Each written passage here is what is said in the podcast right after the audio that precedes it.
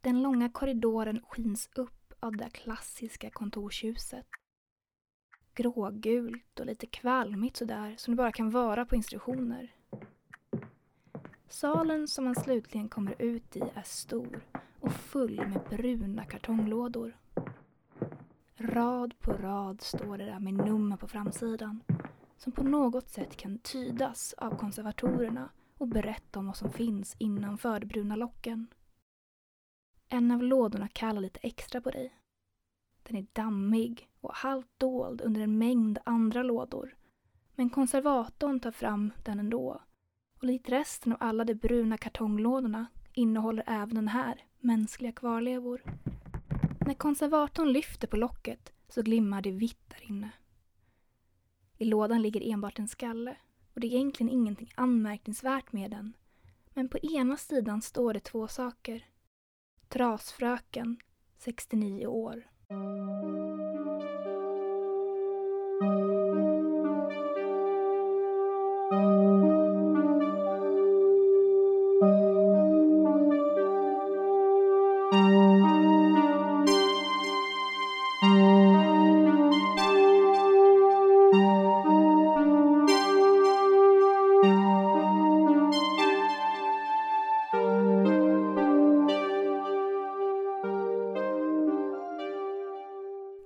Välkommen till Historiska hemligheter med mig, Emma Forsberg. I dagens avsnitt kommer vi ta upp en ganska hemsk sida av historien, nämligen eugenik och rasbiologi. De flesta associerar rasbiologi med förintelsen och stora folkmord. Detta med all rätta, då rasbiologi och vi mot dem-tankar verkligen låg till grunden för dessa. Dock vill jag i dagens avsnitt närma mig det på ett lite annorlunda sätt. Nämligen hur insamlandet av olika typer av människoskelett har gått till för att förstå detta måste vi dock förstå rasbiologins historia. Idén om olika folkstammar och renheten av dessa har funnits ända sedan 1700-talets romantik. Det är under denna tid som våra moderna idéer om nationalstaten och folksjälen skapas. Under 1700-talet förändras även samhället i dess grund. Demokrati växte fram och industrialiseringen tog sin början och enorma framsteg i medicin resulterade i mindre barnadödlighet och allt fler blev äldre. Befolkningen ökade helt enkelt. Dessa var enligt några forskare från 1700-talet ett bevis på samhället och mänsklighetens förfall. Mitt i denna utveckling kom Charles Darwin ut med om arternas uppkomst och en katolsk munk som hette Gregor Mendel kom ut med sin Mendels-lag som berättar om olika arvsanslag, olika gener och hur dessa kan vara recessiva och dominanta. Enorma debatter om just den här mänskliga arvsmassan började föras i de vetenskapliga salongerna i Europa och Amerika och tanken kring rashygien och eugenik var född. Men hur låg det till egentligen i Sverige? Jo, i Sverige så ökade befolkningsmängden också. Vid 1800-talets mitt hade den svenska befolkningen fördubblats sedan 1750 till ungefär 4 miljoner, vilket poeten och biskopen Esaias Tegnér sa berodde på freden, vaccinet och potäterna. Samtidigt var det dock stora problem i Sverige. Hungersnöd och epidemier var vanliga och resulterade i stora migrationer till USA.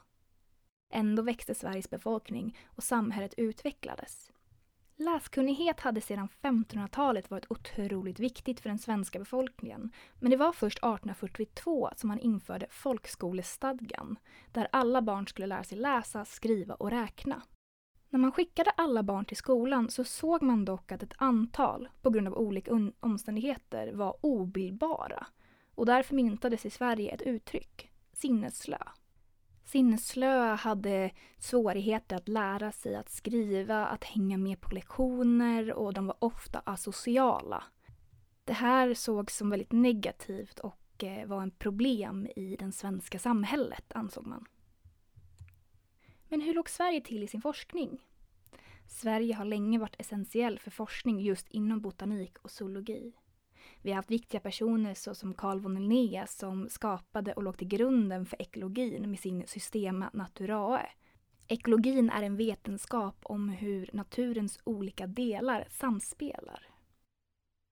Samtidigt har vi även Peter Artedi som, eh, vars fokus var på fiskar.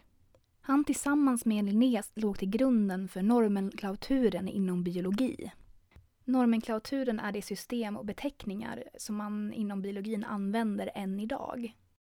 Stora intressen fanns över hela världen för sätt att klassificera och dela in människor och olika typer. Och vetenskaper såsom frenologi, där man trodde att olika knölar och dalar i skallen kunde förklara personligheter, och fysionomik, som visade psykes status beroende på kroppsformen, växte fram.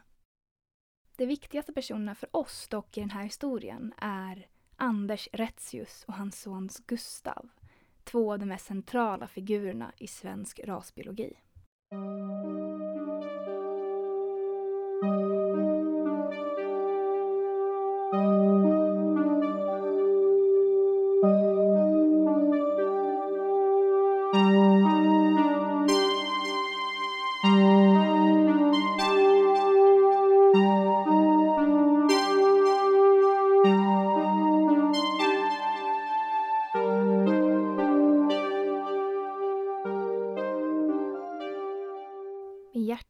Halsgropen hade en ung Selma Lagerlöf, som ännu var blott 16 år gammal, stannat upp framför sin lärarinna överstinnans dörr. Året var 1873 och hon stod mitt i centrala Stockholm.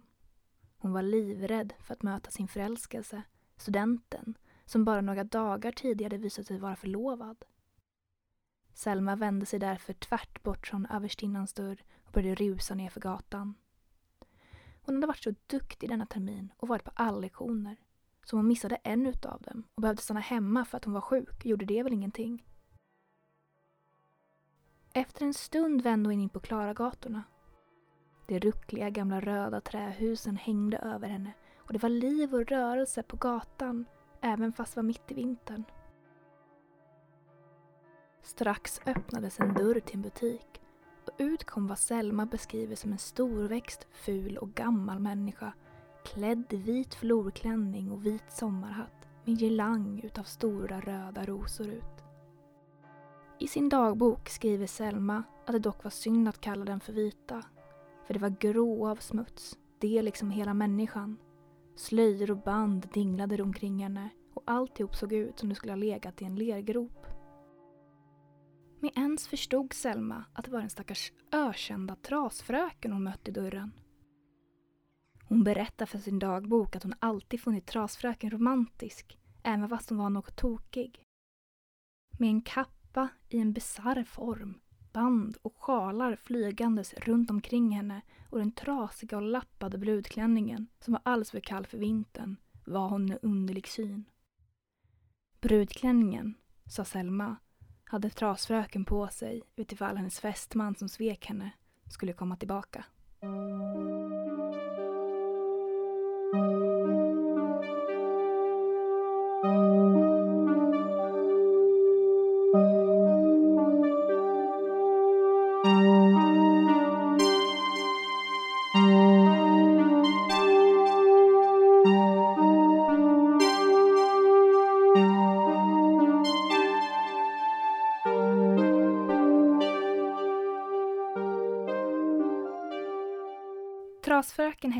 Hette Augusta Dorothea Eklund och föddes den 2 september 1826. Hennes föräldrar jobbade som skomakare och snölivssömmerska. någon som sydde korsetter, och även Augusta skulle bli inlärd i sin mors yrke. Efter hennes föräldrars död så hade Augusta huvudsakligt ansvar för sina yngre syskon, Ida och Karolina.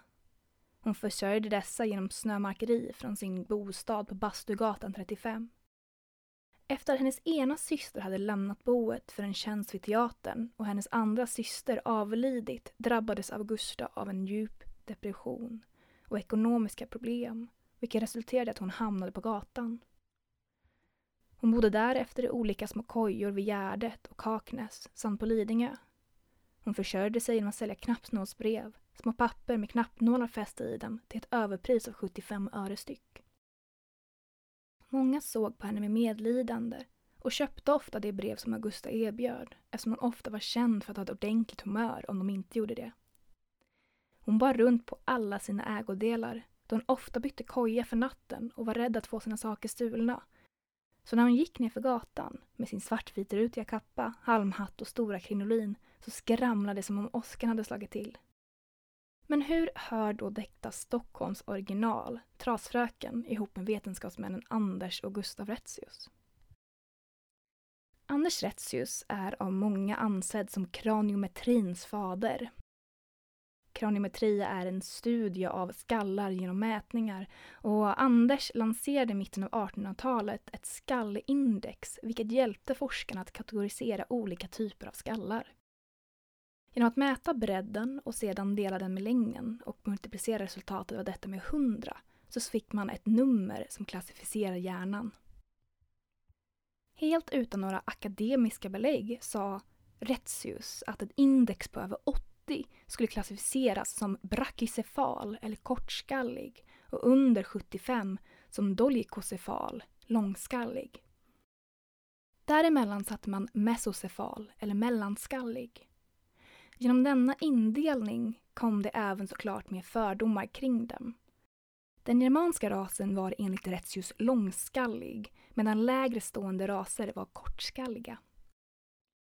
Självklart finns det inga grunder för dessa teorier, men eftersom de var snabba, billiga och kunde utföras både människor och lik så spreds idéerna som en eld genom hela Europa. På grund av detta så ville och kunde nu de svenska forskarna presentera den svenska rasens renhet med ekvationer, tabeller och diagram, även fast ingenting av det riktigt hade någon akademisk grund. Retzius började undersöka svenska kraniefynd från sten och järnåldern och kom fram till att svenskarna hade dolichocefala skallar, eller ja, som sagt långskalliga.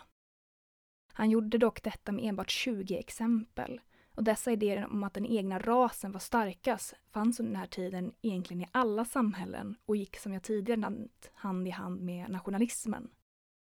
Retzius, tillsammans med sin son, ville utöka sina undersökningar och sin kraniesamling och fick därmed hjälp från en rad människor att samla in skallar från världens alla hörn.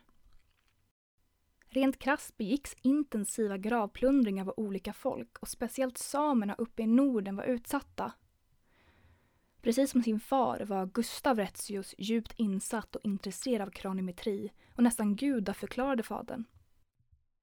Han gav ut flera av den äldre Retzius opublicerade verk på både svenska och tyska och följde i faderns spår som läkare och forskade själv inom histologin, läran om biologisk vävnad.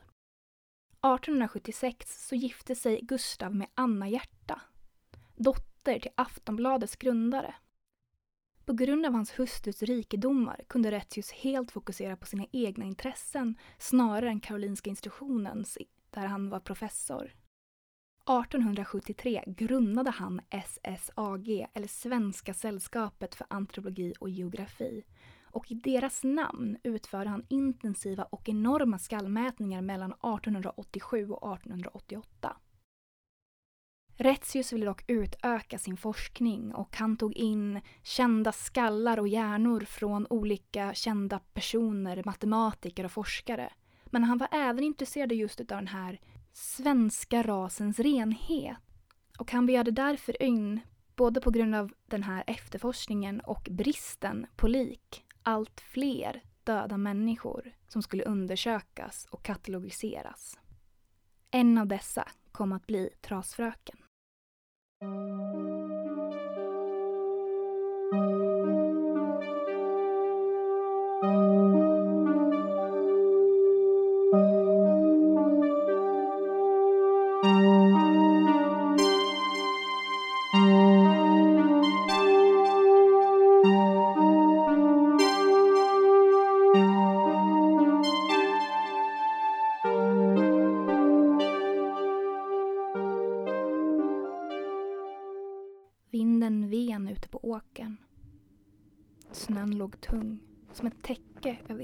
synfältet. Poliskonstapeln huttrade och undrade hur lång tid detta skulle kunna tänkas ta. Det var sådär krispigt kallt ute, där vinden biter tag i skinnet som i nålar och snön knastrar under vikten av en människokropp. Allt var tyst. Eller ja, inte helt tyst. Vid skogsgränsen syntes ett litet ruckel till koja. Rök steg från sprickorna i taket och ett tyst hostandes hördes svagt under snötäcket. Ett svagt ljus syntes innanför tygstycket som hängde för dörren. Poliskonstapeln drog skynket åt sidan och lät ögonen vänja sig vid ljuset. Ett ynkligt litet bylte, insvept i ett smutsigt svartvitt rutigt tyg, rörde sig svagt i ena hörnet av den smutsiga stinkande kojan. Konstapeln gick fram och ett rynkigt gråblekt ansikte stack fram ur byltet. Trasfröken hade svett rinnande nerför pannan och det var tydligt att hon var allvarligt sjuk. Hon blev anhållen för lösdriveri, ett väldigt vanligt brott, och Trasfrökens koja blev övergiven och hon blev förflyttad till Stockholms stads allmänna försörjningsinrättning.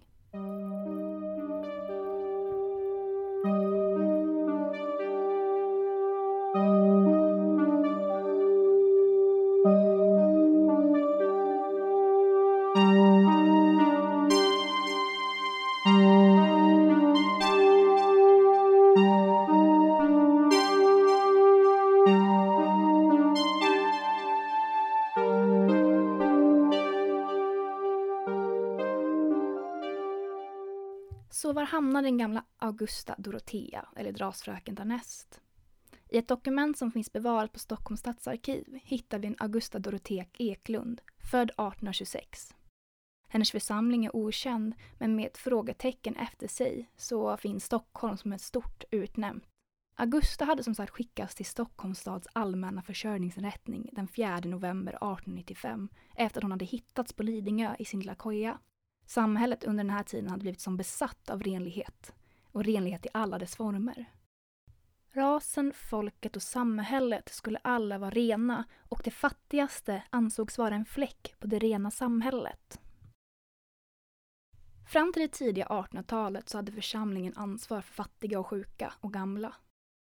Det här förändrades i och med den stora urbaniseringen som skedde under 1700 och 1800-talet då allt fler människor tog sig in till storstaden och de lokala stötespelarna brast.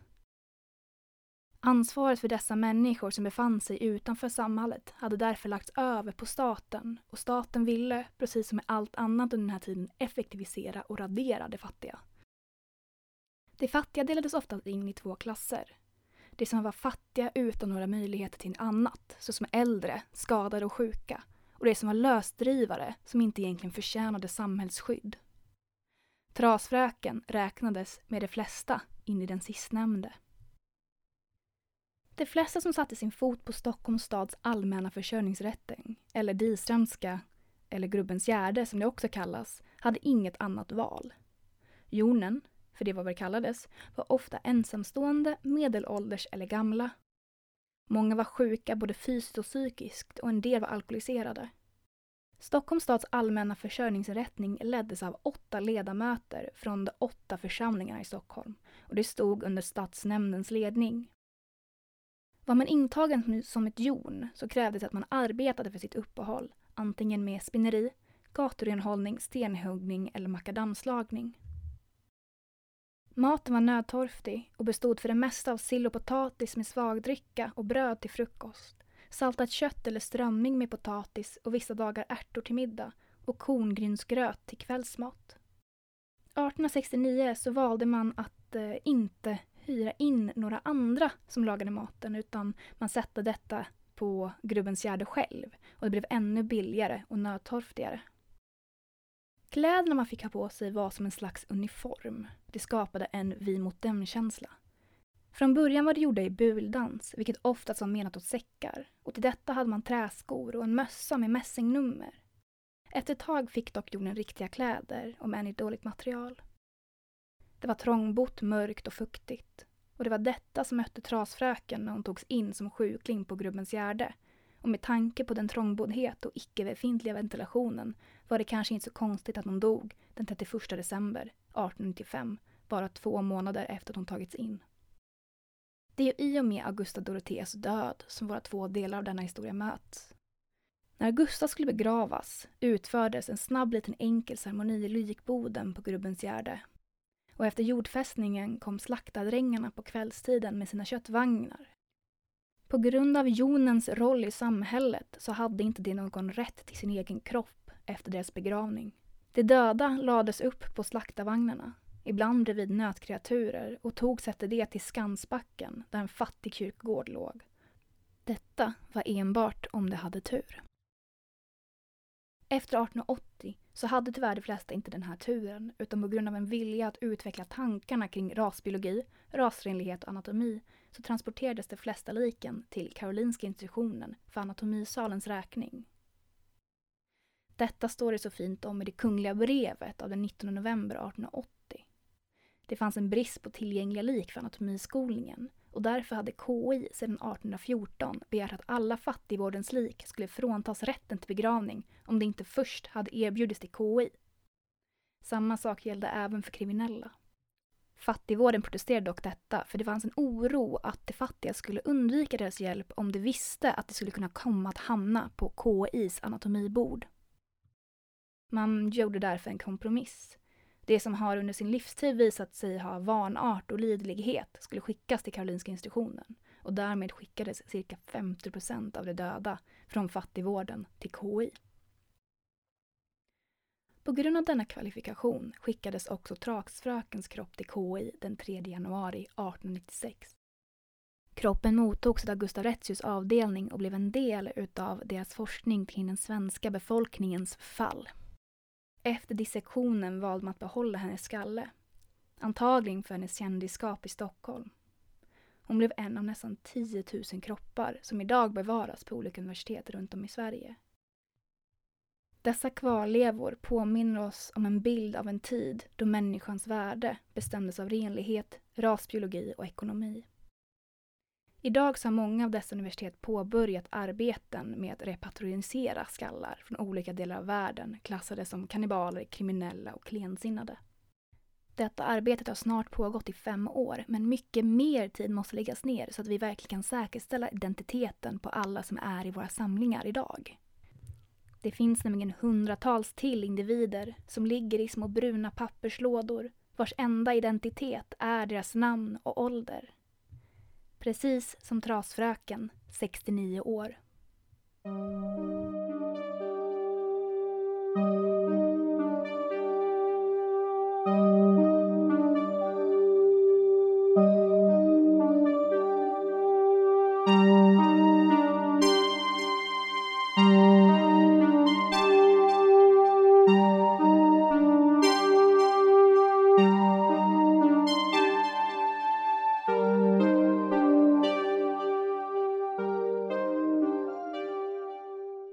Har lyssnat på Historiska hemligheter med mig, Emma Forsberg. Vill du ha mer information om dagens avsnitt så får du jättegärna besöka Instagram-profilen Historiska hemligheter eller vår hemsida emmaforsberg.com. Tack för mig och jag hoppas att ni lyssnar på nästa avsnitt.